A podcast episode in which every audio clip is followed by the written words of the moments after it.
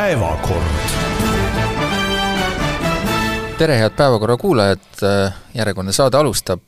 stuudios seekord kahekesi, mina, Urmas Jaagant Eesti Ekspressist ja Indrek Riikoja Maalehest. Grete on kahjuks äh, tõbi maha murdnud ja talt häälega ära võtnud, nii et ta ei saa meiega ka kaugteel ühenduda, aga tänases päevakorras õpetajad hakkavad viimaks stri-, streikima, riigikogus on pohmell ja ilmnevad esimesed märgid allaandmisest, kas Orbani võiks toast välja visata, viide siis Ungari peaministrile,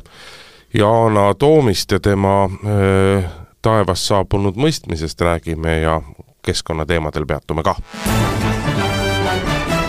Aga nagu lubatud, alustame siis õpetajate streigiga, sellel nädalal õpetajate või haridustöötajate ametiühingu volikogu või kuidas iganes selle instantsi nimi on, kogunes ja sai siis ära otsustatud, et õpetajad hakkavad streikima, kuna kuidagi ei ole kokku lepitud või kokkuleppele jõutud palgatõusu osas kakskümmend kaks jaanuar, esmaspäevane päev, mis siis tuleb viie nädala pärast või või on kuus nädalat, no vahet ei ole. kakskümmend kaks jaanuar on see, kui tähtajatu õpetajate streik algab ja esialgu on kõik enesekindlust täis, õpetajad on veendunud, et nad jaksavad streikida nii vaimse vastupidavuse kui ka majandusliku poole pealt, sest et teadupoolest ei ole ju koolidel kohustus streigi ajal õpetajatele palka maksta ja selle jaoks ametiühing korjab streigifondi teiselt poolt ei ole ka valitsuse poolt paistnud mingisugust äh, vastutulekut õpetajatele peale sotside esimehe, kes arv, avaldas arvamust, et küll me istume veel ikka laua taha tagasi ja mingi kokkuleppe ka leiame. no küllap istuvadki, et ega ma arvan, et see mugav ei saa olema valitsusele. Kindlasti alguses noh, üldiselt käib see nii, et kõigepealt ollakse, avalikkuses selgub, et äh, on väga suur toetus streigile, siis kui see streik pihta hakkab, siis selgub, et inimesed peavad oma elu päris palju ümber korraldama. Ja igasugu asju juhtub, millega ei ole arvestatud, mille järel pahameel liigub streikijate peale, äh, mis järel siis peavad streikijad kõvasti selgitama, miks nad seda teevad ja kui see pikemalt jätkub, siis hakkab järjest rohkem avalikkus vaatama nüüd valitsuse poliitikute poole. Ja küllap see nii ka seekord läheb. Et äh, tõesti, et kui nad vastu peavad seal pikemat aega, siis, äh, siis äh, nii-öelda kanaliseerub see vastuseis sinna, kuhu kuhu õpetajad ja haridustöötajad seda soovivad, no jah, tervikuna ma ei tea, ma, ma natuke nagu ei näe, ma näen nagu ütleme, liiga vähe seda hoogu praegu võrreldes äh, siin mõne õpetajatest siis? jah, mõne aja taguse ajaga, et kuidagi nagu äh, kuidagi nagu vaiksemaks on jäänud või, või nagu mm, sellist nad veidi ebakindlust, võib-olla ma lihtsalt tajun seda kuidagi avalikus ruumis ähm,, nendega suheldes see nagu tõenäoliselt nii ei ole, aga, aga kuidagi tajun sellist, et sellist lippude lehvimist nagu väga ei ole, samas valitsuse poole pealt mulle, mulle näib ka, et et ähm, kui sa ütlesid, et nad ei ole siin järgi andmas, noh mulle, mulle veidi tundub, et seda, sellist bravuuri on veidi väiksem, vaiksemaks jäänud või vähemaks jäänud. Aga, aga noh, kus see kokkuleppepunkt saab olla, noh siis tekib jälle see küsimus, et kui nüüd tõesti jälle, nagu Läänemets ütles, istutakse laua taha, et siis noh, ja midagi leitakse, noh et miks siis nagu varem ei võinud seda leida või või midagi sellist, et see, ma ei tea, kuidagi, kuidagi veider on see, ma kuidagi, kas ta ei ole piisavalt selge või ei ole poolte seisukohad kuidagi piisavalt hästi nagu välja joonistunud, aga, aga natuke sumbuurne on see. no vot, mul on risti vastupidine tunne, ma selles mõttes olen vaadanud äh, vaadanud suurima no võib hea meelega olla, neutraalses mõttes hea meelega seda, kuidas õpetajad on valmistunud selleks streigiks ja milline on olnud õpetajaskonna äh, selline nii-öelda väljaütlemised ja nende põhimõtted, et tõsi ta on ju, et õpetajate palgad ei ole väga suured, samas kui me vaatame paljudes maakondades, paljudes valdades, siis seal on õpetajad ikkagi nii-öelda väga hea palgalised, väga hea palga saajad koha peal. Ja sestap ei ole nii väga rõhutud selles avalikus kommunikatsioonis nii mit-,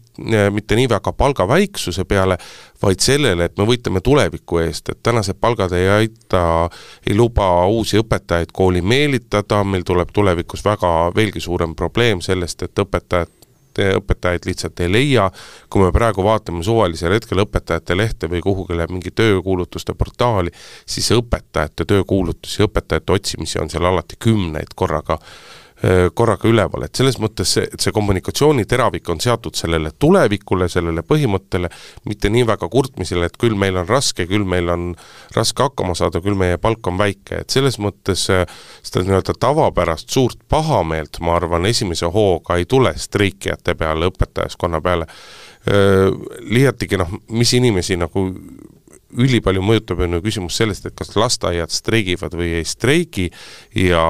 lasteaiaõpetajatel on võimalik streigiga liituda, aga see ei ole nii-öelda ametlikult veel välja kuulutatud, et nemad kõik streigivad, sest et noh, see puudub, lasteaialast sa ei pane kuhugile, koolilaps võib sul olla nullimalt teisest klassist, võib sul päeval üksinda kodus ka olla. ja, ja no ma, ma ei ole nii kindel ikkagi, mina arvan, et see streik, streigi nagu pahameel läheb ikkagi alguses õpetajate pihta, sest noh, ei ole väga loogiline, et kui kui selgub, et äh, sa pead koju jääma, sellepärast et äh, lapsed äh, peavad koju jääma, siis enamasti inimesed ei karjata, et noh, pagana peaminister, ma pean praegu koju jääma. et ikkagi õpetajate ja kooli pihta läheb see esimene raks, aga noh, tõesti, eks see, eks see hästi palju kommunikatsioonist oleneb ja seda pinnast on ette valmistatud päris palju. et nüüd huvitav on see, et see hakkab ikkagi,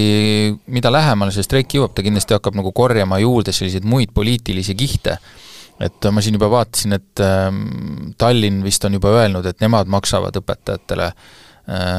palka edasi, isegi kui nad streigivad, oli vist nii, jah? oli küll niimoodi ja, ja tulevad teised omavalitsused sellega ka järgi ja tegelikult muudetakse nagu valitsusele selle streigi, äh, streigi alu-, alustamine nagu nii tohutult ebamugavaks, et mina teen küll tegelikult selle ennustuse, et kahekümne teisel jaanuaril streiki ei tule, sest et ennem seda jõutakse kokkuleppele,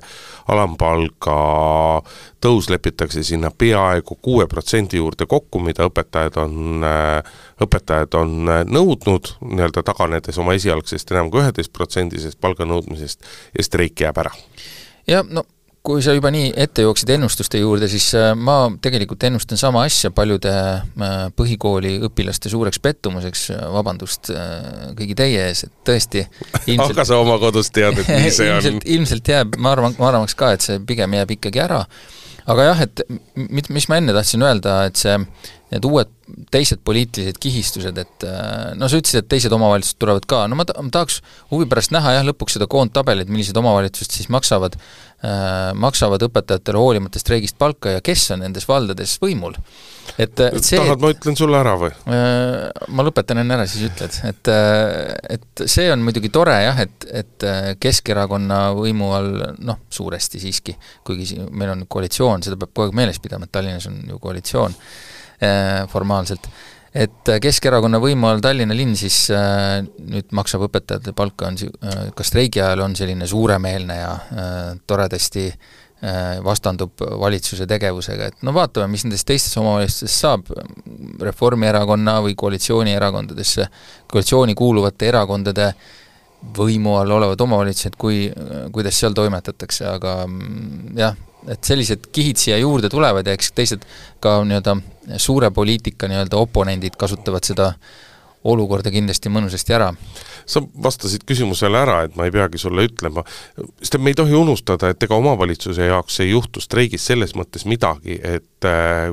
riigipoolne koolide rahastamine jätkub ikkagi samamoodi ka siis, kui streik käib. et selles mõttes äh, omavalitsus ei tekita endale eelarvesse miinust sellega, et ta õpetajate palga kinni maksab ja koalitsiooni ja opositsiooni vahelt see piir väga selgelt jooksma hakkab Lähme järgmise päevakorrapunkti juurde, Riigikogus äh, on nüüd pärast äh, eelarve äh, vastuvõtmist seadusena siis saabunud selline kerge noh, kergendus vist on õige sõna koalitsiooni poole pealt ja selline hoo, hoolangus ka opositsiooni poole pealt veidikene, et ähm, siin ka neljapäeval president kuulutas riigieelarve välja, lisaks juurde veel ports teisi seadusi, aga meil on siis nüüd siis sellest, kogu sellest äh, usaldushääletuste pundist senimaani siis üks niisugune õnnetukene äh, eelnõu, kes siis, mis siis saadeti Riigikokku tagasi. Ja nii palju, kui ma olen aru saanud, siis äh, sama soojaga läheb ta sealt uuesti ka Kadriorgu, see on vist põhimõtteliselt juba otsustatud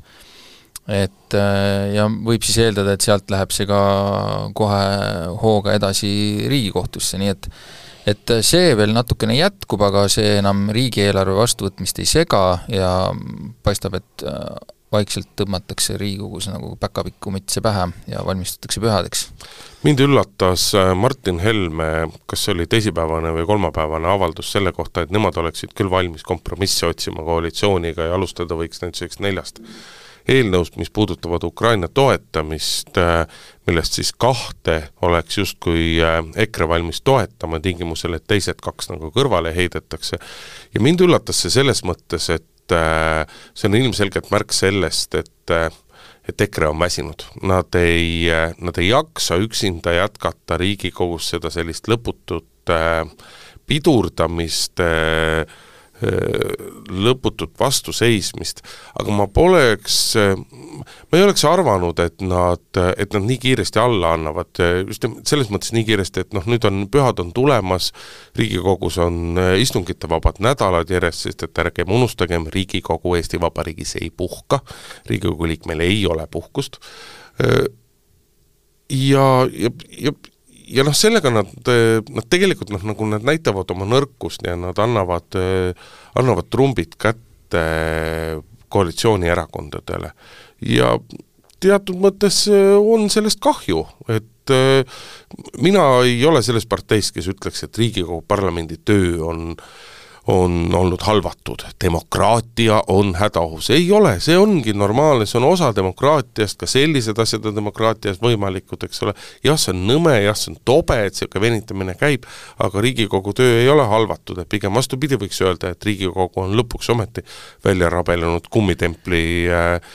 kummitempli rollist. ei ole nõus selles mõttes, et see kummitempli roll vastupidi süveneb, et, et kui, kui sellisel viisil eelnõusid takistatakse lausaliselt täiesti pimedalt ja valimata mis teemadel, ja absoluutselt kõiki, siis, siis järgmine samm sealt on see, et valitsus seob neid usaldushääletusega, mida me oleme näinud, ja mis tähendab seda, et Riigikogul pole enam üldse sisuliselt mitte midagi teha ja see on ka olnud presidendi mure, see on olnud Riigikohtu mure, see on olnud äh, tegelikult ka paljude parlamendisaadikute mure eesotsas Riigikogu juhatusega, et see sinnapoole kisub. et selles mõttes see ikkagi päris kindlasti teeb Riigikogu noh, kui sa ütlesid, et äh, ei ole enam kummitempel, no siis nad ei ole enam, nad ei ole enam isegi toas, kus see kummitempel asub, äh, võiks selle kohta öelda, et et ja nüüd, kui tulla tagasi selle nii-öelda toreda kompromissi juurde, mida sa siin nimetasid, äh, siis tõesti, see oli natukene ootamatu, aga kui selle sisusse vaadata, siis oli see ka suhteliselt nutikalt tehtud, et ega seal kompromissi oli nagu suhteliselt vähe. just selle koha pealt, et need eelnõud, mille ärajätmist sooviti, Äh, on seotud rahvusvaheliste lepetega, kuhu noh, niisama lihtsalt ei saa nagu muudatusettepanekuid lihtsalt teha, äh, rahvusvahelisi leppeid siin äh, niimoodi lihtsalt nagu muuta koha peal, olen mina aru saanud, ja koalitsioon seda kindlasti ka teha ei kavatse, mis tähendab, et EKRE siis peab nendel kahel teise eelnõu pihta siis seda oma obstruktsiooni jätkama, sest muidu muidu oli nagu tühi ähvardus, et et selles mõttes siin äh, ei tule sealt mingit kompromissi ma nii palju torkan ka... sulle vahele, et, et küsimus on selles, et milliste nii-öelda rahastutega Eesti peaks ühinema või ei peaks ühinema, et Eestil on võimalus ka mitte ühineda. Ja, ja nagu EKRE samamoodi nutikalt oma,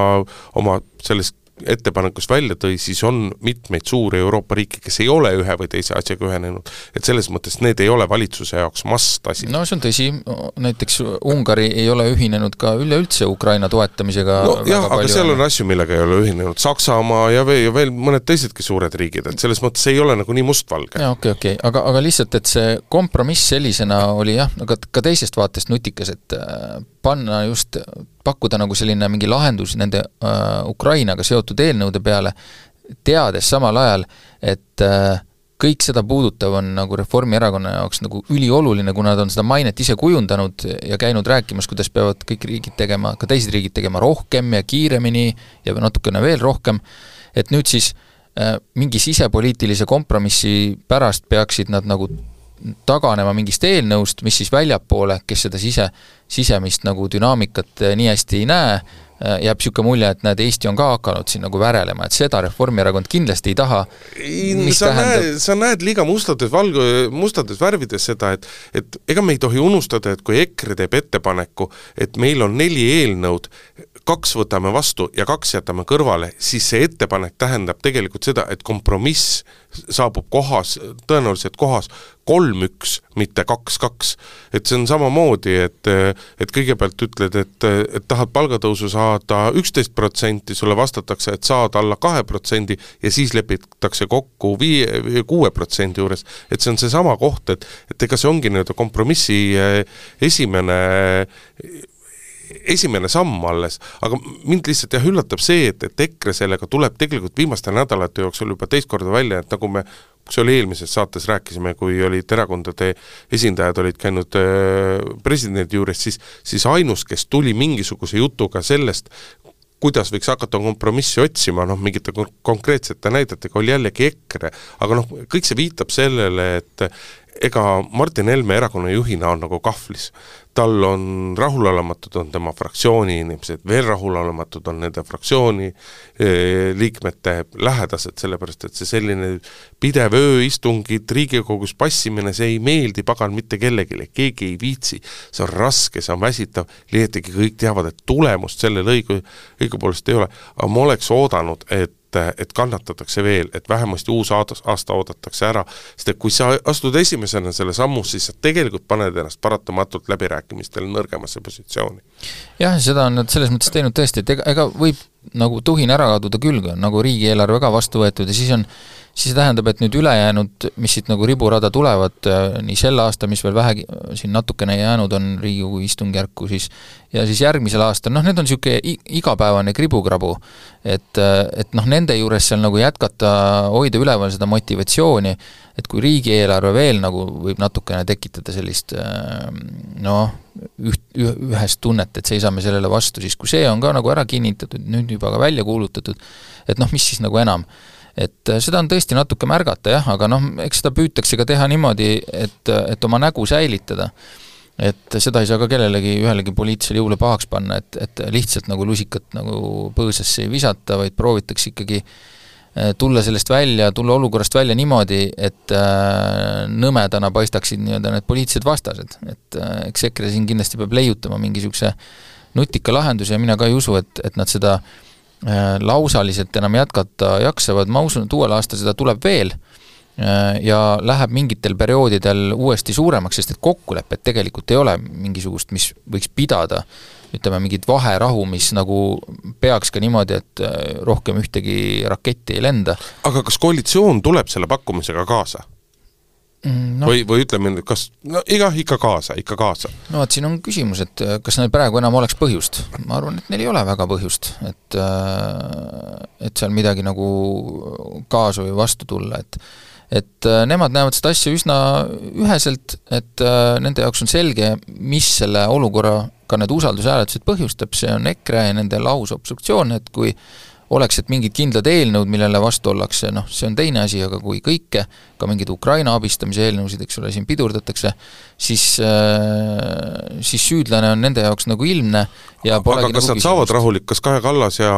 ja Lauri Hussar saavad rahuliku südamega öelda pärast seda, et meie küll tahaksime, aga vaata, see EKRE ei saa. Nad ei saa ega neilt on need relvad ka ära võetud, sellepärast et EKRE tuleb välja väga selgete ettepanekutega, kuidas hakata, kust hakata rääkima, kust hakata kompromissi jah, need on selged, aga need on võimatud koalitsiooni jaoks. miks need võimatud, no, no, no vot see ongi, vot see ongi see lähenemise küsimus, et kas nad on võimatud, et tegelikult praktikas ei ole need võimatud, võimatud ettepanekud ja ja li-, ja, ja lisaks on seal ka nagu väga selge see probleem olemas, et et jube lihtne on väita, et noh, siin varemgi on käinud ju meie saatest ja ja koalitsioonipoliitikute jutust läbi see, see, et aga kui me EKRE-le korra järgi anname, siis nad hakkavad kohe järgmist asja, siis nad hakkavad kohe järgmist asja. teoreetiliselt on suure tõenäosusega õige konstruktsioon, aga seni, kuni sa üldse ei proovi, ei saa sa siiski teistele otsa vaadata ja öelda, et nemad on süüdi, nemad ei süüdi, sellepärast et sa pole isegi proovinud ja mitte üritanud jah, no seda võib ka nii vaadata ja noh, selle, selle, see ongi selle, kogu selle olukorra nagu kõige kurvem külg, et, et ei ole seda nii-öelda need kaks rõngast nagu kuskil ei, ei ühine, nendel pole sellist ühist pinda nagu peaaegu üldse, et äh, et nad ei puutu isegi servapidi kokku ja leida sealt nagu selline ühine ühine nagu väli, mille pealt kasvatada mingisugust kompromissi, on väga raske. ja sellepärast ma ka arvan, et seda ei tule ja me näeme selliseid venitamisi, kui need, kui see ei jätku kogu aeg, siis mingisuguste lainetena äh, kindlasti.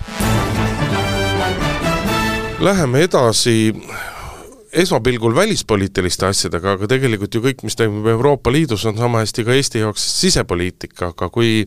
kui aastakümneid on Eestis äh, rakendatud poliitikas taktikat, et äh, lausobstruktsiooni ei ole, sellepärast et alati on võimalus opositsiooni äh, või vähemalt osade opositsiooniliikmete suu raha, suu raha täis toppida ja niimoodi mingisugune kompromiss saavutada, siis kui Eestis see viimasel ajal niimoodi ei toimi, siis Euroopa Liidu tasemel toimib see küll ja, ja järjekordne näide on, on parasjagu käiv äh, vaidlus selle üle, kas Ukrainast võiks saada Äh, kas Ukrainaga tuleks alustada Euroopa Liidu liikmelisuse läbirääkimisi või mitte? Ja Ungari peaminister Viktor Orban on sellele nagu väga selgesõnaliselt vastu olnud, aga noh, juba esimesed uudised, kuidas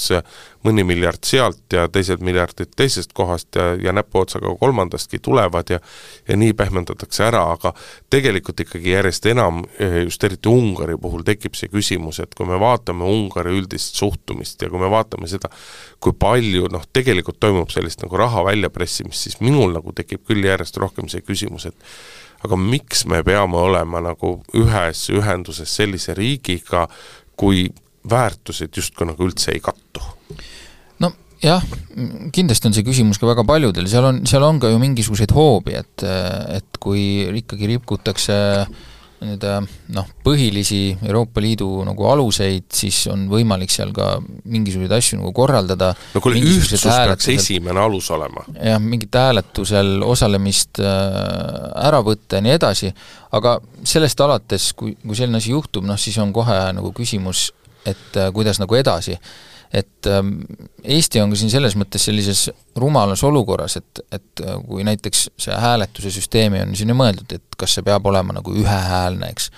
et äh, võib-olla võiks siin lubada mingisuguseid proportsionaalset hääletamissüsteemi, sellega on Eestil see häda, et me oleme nii pisikesed, et siis, siis nagu meie hääl ei kõla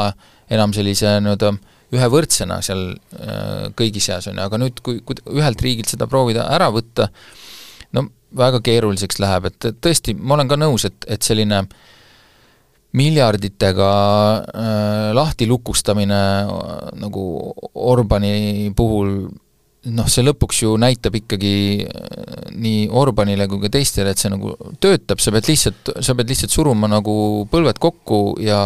kannatama selle jauramise ja sinu peale karjumise, vihastamise ja avaliku häbi ja nagu piinlemise ära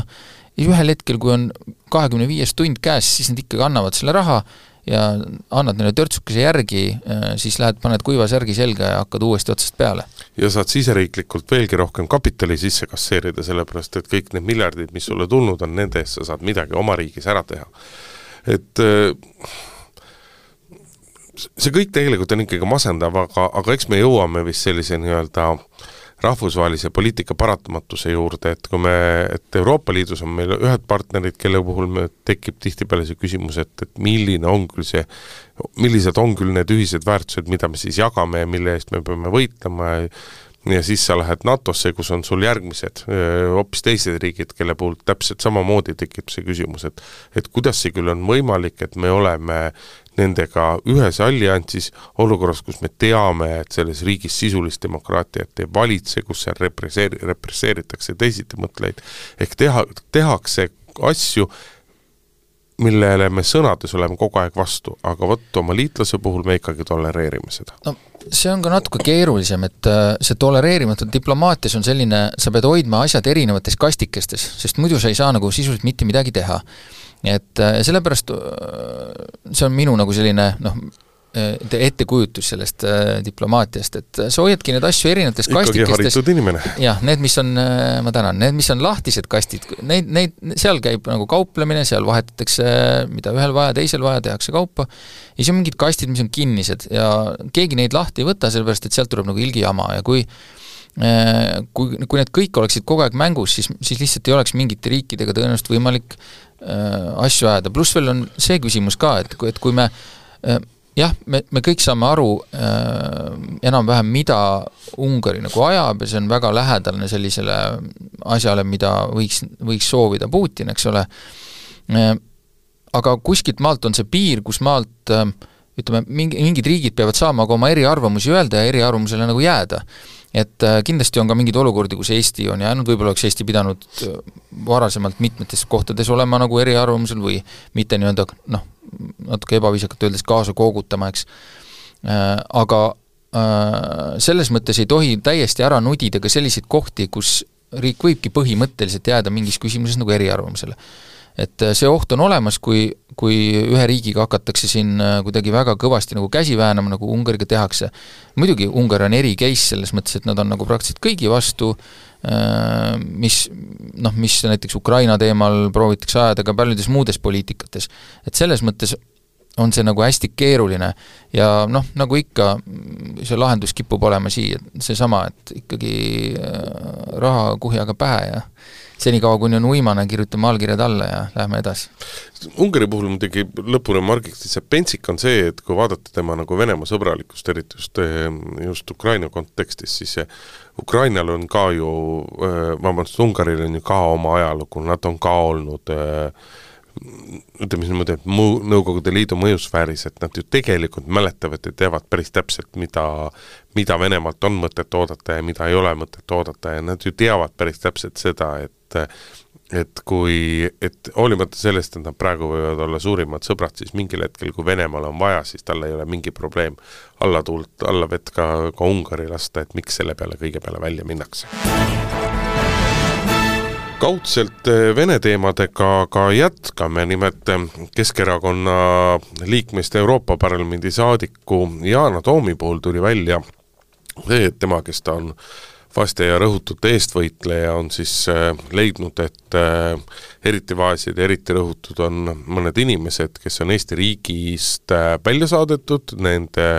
riigivastase tegevuse ja, ja Venemaa huvides tegutsemise eest. Ja Yana Toom on otsustanud nendest mõne puhul rahastada siis nende peetavaid kohtuvaidlusi Eesti Vabariigiga,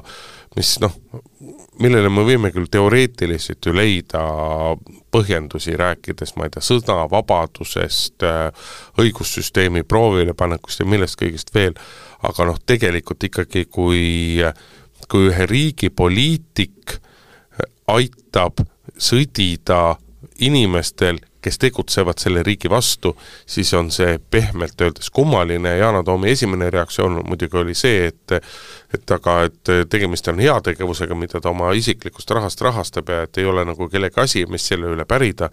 mõned Keskerakonna liikmed eesotsas Jüri Ratasega mõistsid selle väga kiiresti ja väga otsustavalt hukka, Keskerakonna esimees Mihhail Kõlvart oma seisukohta, selget seisukohta selle kohta välja öelda ei tahtnud, aga läks paar päeva ja siis ikkagi saabus taevast ka Yana Toomini mõistmine, et ikkagi päris mõistlik ja päris hea see ei ole. noh, noh tegelikult on ta ju seda teinud ka nagu päris pikka aega, et see ei ole nüüd mingi viimase aja asi, et, et ta on seda teinud seda, siis mida? no äh, rahastanud äh, neid nagu kohtuvaidlusi mingitel inimestel äh,, seda ta on ka varem teinud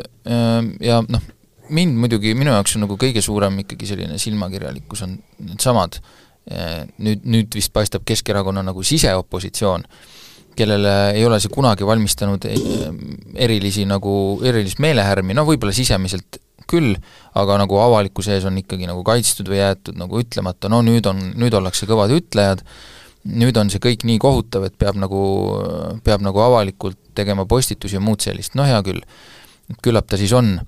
Et äh, ma ei tea, mis siis nagu varem segas, aga, aga noh, nüüd, nüüd me näeme ka ju seda, et, et tegelikult ka need nii-öelda kritiseerijad mm, noh, aga mis nad siis nüüd edasi teevad, et äh, nad on selle nagu hukka mõistnud, äh, ülehomme mõistavad teravalt hukka, siis väga rängalt hukka ja siis ei juhtu muud midagi, kui nad kõik koos nagu rõõmsalt lähevad edasi. Et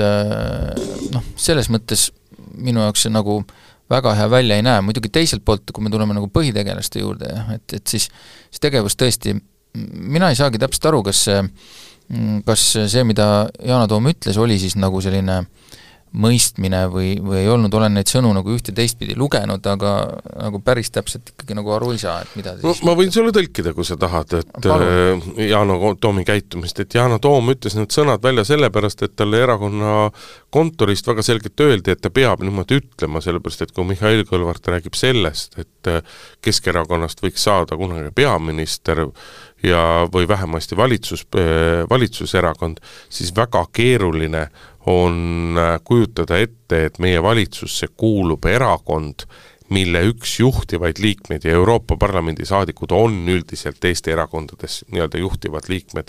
rahastab Eesti riigi vastast tegevust ja Eesti riigi vastast tegevust tegevaid inimesi. et noh, sel-, sellist olukorda ei saa olla, et et see on nagu selline, see on, see on järjekordne sild, mille Keskerakond uue juhtimise all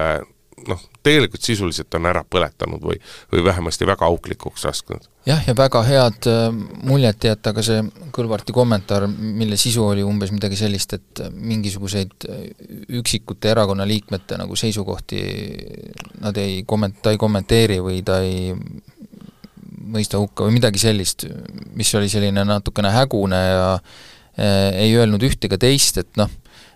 kui, kui, kui sellisel positsioonil inimesed ei ütle ühte ega teist, siis nad, siis äh, inimesed loevad sellest välja seda teist. et kui üks erakonna liige ütleb, et äh, et Iisraeli riik tuleb hävitada, siis on see erakonna liikme arvamus, mida erakond ei pea kommenteerima, kui teine erakonna liige ütleb, et neegrid ahju, kas siis see on ka asi, mille kohta ei pea erakond arvamust avaldama, et kustkohast see piir siis tõmmata. aga noh, eks me tegelikult ju teame, me jõuame tagasi selle koha peale, et et eriti viimaste reitingute valduse, valguses venekeelne valijaskond on Keskerakonnale eluliselt oluline ja selle valijaskonna nimel tehakse tööd ja selle valijaskonna nimel eh, nähakse vaeva. ja püütakse siis võimalikult vähe kaotada eestikeelset Äh, valijaskonda, vähemalt säilitada mingi side, et et selles mõttes noh, ma olen suhtunud senimaani suhteliselt skeptiliselt sellesse nii-öelda Keskerakonna, ma ei tea, Vene erakonnaks muutumise juttudesse ja olen mingil määral endiselt, aga ega need märgid sellises nagu reas äh, väga head välja ei paista. samas viimastes reitingutes on nokk kergelt nagu ülespoole liikunud. jah, seda peab küll tunnistama, et, et Keskerakonnal natukene võib-olla see põhi siis põhjas käiski ära, et noh, et nüüd jääb loota, et see ei ole nagu, kuidas see majanduskeeles öeldakse, surnud kassi põrge, eks. et pärast Yana Toomi selliseid samme võib see olla küll, et ma küll ei kujuta ette, et see tõus jätkuda võiks. no ma ei usu, et see juhtum nüüd nii palju mõjutab, aga pigem, pigem siin nagu see komplekt tervikuna, et noh, kindlasti on Keskerakonnal nagu uus selline vahemik hetkel, kust, kus tema reiting on ja ja sealt ülespoole tulemine võtab kindlasti kauem aega, kui, kui nüüd sinna kukkumine võttis, sest et mingi, mingisugused positsioonid on ringi mängitud, mingid erakonnad on liikunud neist kõrgemale, nii et et väga raske saab olema ja kui Kõlvart ikka kiiresti ei hakka näitama nii-öelda suure poliitika mõistes olulisi samme, siis siis on see marginaliseerumine vist üsna kiire tulema. räägime ka kliimateemadel. Ähm, pealkirju äh, sellest, mis toimus äh, COP kakskümmend kaheksa kliima tippkohtumisel Dubais, on väga erinevaid, ühed ütlevad, et saavutati kokkulepe, teised ütlevad, et oli totaalne läbikukkumine, kolmandad ütlevad, et oli üritus, mis toimus ja siis lõppes, et ähm, kust ei ole nagu midagi, et ähm, ega ma ei oskagi kindlat seisukohta öelda, kuigi ma tahaksin nende kõige ütleme, mis, mis paistab nendest paljudest nagu reaktsioonidest välja äh,, ei ole pigem mitte see tulemus sellelt äh, tippkohtumiselt, vaid ootused, mis sellel tippkohtumisel olid. et ähm, ma ei tea täpselt, kust tuleb tunnetus, et sellise hulga äh, planeet Maa riikide kohtumisel suudetakse formuleerida midagi nagu konkreetsemat ja detailsemat kui see, mis praegu tehti äh,, see tundub natukene kummaline, et äh, minu arust äh, ütleme, edasiminekut, äh, probleemi tunnistamist ju oli ja ma arvan, et palju oleks tahta, et sealt oleks tulnud midagi konkreetsemat. Jah, minu jaoks ka need väljendid sellest, kuidas joosti täielikult lati alt läbi ja mis kõik veel, et noh, tunduvad nagu täiesti eluvõõrad, et kui ma, et kui ma neid seisukohti loen ja neid arvamusavaldusi loen, siis mul mul järjest enam nagu tekib vägisi see tunne, et, et ma küll ühest küljest saan aru sellest jutust, et äh, et kuidas me peame mõtlema sellest, millise maakera me jätame maha oma lastele ja lastelastele ja lastelastelastele ja nii edasi veel, kui mitu last seal tuleb selle lapse ette panna. aga teisest küljest mul, mul on järjest rohkem see tunne, et need nagu tohutult äärmuslike ja kiirete meetmete nõutajad, et nad ei saa nagu aru sellest, et et sellega pannakse sellele praegusele põlvkonnale, kes seda asja peab ära tegema, nagu nii suur koorem ja nii suur surve peale, et utreeritult võiks öelda, et kas siis on üldse enam neid lapsi, lapselapsi ja lapse, lapse, lapse, lapsi, kellele seda nagu maakera jagada, eh, maha jätta, sellepärast lihtsalt praegune põlvkond, ta ei suuda nagu majanduslikult seda ära teha. no ma nii traagiline ei oleks, aga no selles mõttes ühelt poolt ma ütleks nende pettunute kaitseks seda, et äh, ega kui sa palju ei küsi, ei saa vähestki. et äh, selles mõttes need nõudmised peavad nagu olema suured, no täpselt, ja aga ma neid siin EKRE-ga muidugi ei võrdleks äh,, aga teine asi on see, et äh, ütleme, kui, kui selline hulk riike peab, peab milleski kokku leppima, nende nagu huvid on nii erinevad, äh, siis juba ainuüksi nagu selle tunnistamine, mida me siin nägime siis nüüd, et kokkulepe siis fossiilkütustest järk-järguliseks eemale liikumiseks, ma saan aru, et see kõlab naljakalt, eks ole, eemale liikumisest ja mida see nagu reaalselt tähendab, ja ja ma saan aru nende äh, kliimainimeste äh, nagu murest, sest et nemad saavad aru ühest asjast. Nemad saavad aru sellest, et meil on väga kiire. Mm, ja nemad vaatavad seda läbi selle perspektiivi ja seda ei saa neile kuidagi pahaks panna, sest et paraku see on tõde, et meil ongi väga kiire aga, aga noh, eks selle osas ka sinuga vaieldakse, aga laias laastus aga... on see loomulikult tõsi. küsimus on selles, et kui kiire meil et on. suruda need inimesed nagu kiiremini tegutsema, noh tõesti, siis nad peaksid olema naljaga pooleks öeldes, eks ole, põlvini äh, mingisuguses äh, tulvavees, võib-olla siis, võib-olla siis tuleksid mingid otsused kiiremini, aga noh, seda ei ole, ja see kiire perspektiiv on ka, ütleme, mitte nagu meie ühe päeva perspektiivis, eks ole, kiire, vaid see on aastakümnete pikkuse vaatega. Ja ma arvan, et äh, see on tõesti nagu selline suhteliselt noh, realistlik, mis sealt, mis sealt nagu saavutati, et äh, see, et viimasel hetkel jõuti isegi sellise sõnastuseni, noh, võib küsida, mida see annab. aga see annab seda, et sellele on nüüd võimalik viidata, et äh, ükskõik, mida riigid teevad, nüüd on neilt võimalik nagu küsida, et te olete ise seal kokku leppinud, et me hakkame liikuma järk-järguliselt eemale. et see ei ole tühi asi tegelikult, et äh, diplomaatias äh, suhteliselt oluline on see, mismoodi on sõnastatud, mida, mida on välja öeldud ja kuhu, kuhu on alla kirjutatud, ja selle pealt äh, saab nüüd sel-, ütleme sellesse perspektiivi saab hakata asetama nende riikide tegevusi. Mida, milles on muidugi ka nendel suurtel kriitikutel õigus, et olemuslikult on täiesti jabur ikkagi selline olukord, et praegune see COP kakskümmend kaheksa kohtumine toimus Dubais, et korraldada üritust, mille eesmärgiks on kärpida võimalikult palju fossiilsete kütuste kasutamist, korraldada sellist üritust riigis, kelle noh, ainus eksistentsi alus ongi seesama fossiilne kütus, kes on suutnud mitte kuhugi e-, ehitada sellesama naftarahade toel tohutult suured linnad, kompleksid ja mis kõik veel, et noh, oodata nüüd, et siis see võõrustaja riik, kellel on ka väga suur roll äh, läbirääkimiste läbiviimisel, et tema nüüd ihu ja hingega sõdiks selle eest, et, et vähem fossiilseid kütuseid kasutada. et see on tõesti nagu tobe ja jabur, et sel-, et selliseid apse ei ole ka minu arust mõtet nagu teha. no ei tea, kas on tobe, võib-olla on selle võrra seda märkimisväärsem, see sõnastus, mis siis lõpuks ikkagi kokku lepiti. sellega ma olen nõus, et seda märkimisväärsem, aga noh, mõnes teises riigis oleks vähemasti korraldajariik kindlasti nagu märksa valmi, rohkem olnud valmis rabelema millegi nimel no,. siit, siit me jõuame ka nüüd nagu teise sellise silmakirjalikkuse nagu mm, punktini, mida ma siin tänases saates juba mainin, on, on jällegi see, et et äh, ma ei tea nüüd, kas selle ürituse korraldamiseks oli hange või mis, aga äh, noh, kindlasti, kindlasti Dubail on raha, et äh, nagu raba. linnal, linnal on raha, et sellist asja korraldada äh,, ma lihtsalt arvan, et äh, võib-olla ma eksin, aga päris paljud näiteks Euroopa riigid lihtsalt ei olnud sellise ürituse äh, jaoks valmis niisugust rahasummat välja käima,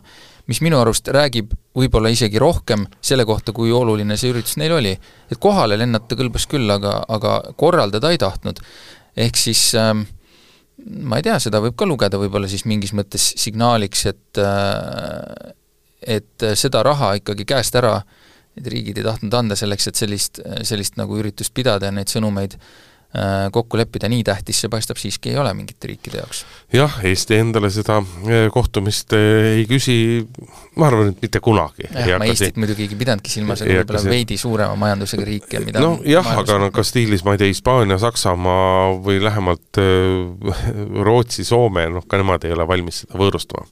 aga siinkohal tõmbame tänase saate otsad kokku, paraku äh, kuna Grete on hääletu, siis meil ka Grete eluloteriid selle saate lõpus ei ole, aga järgmisel reedel on uus saade eetris, tänast saadet saab kuulata Delfi taskust, Spotify'st, Apple'i podcasti keskkonnast ja kus iganes, Urmas Jagant, Hindrek Riik olid stuudios. ilusat jõuluaja jätku teile ja ennem pühi kohtume korra veel. päevakord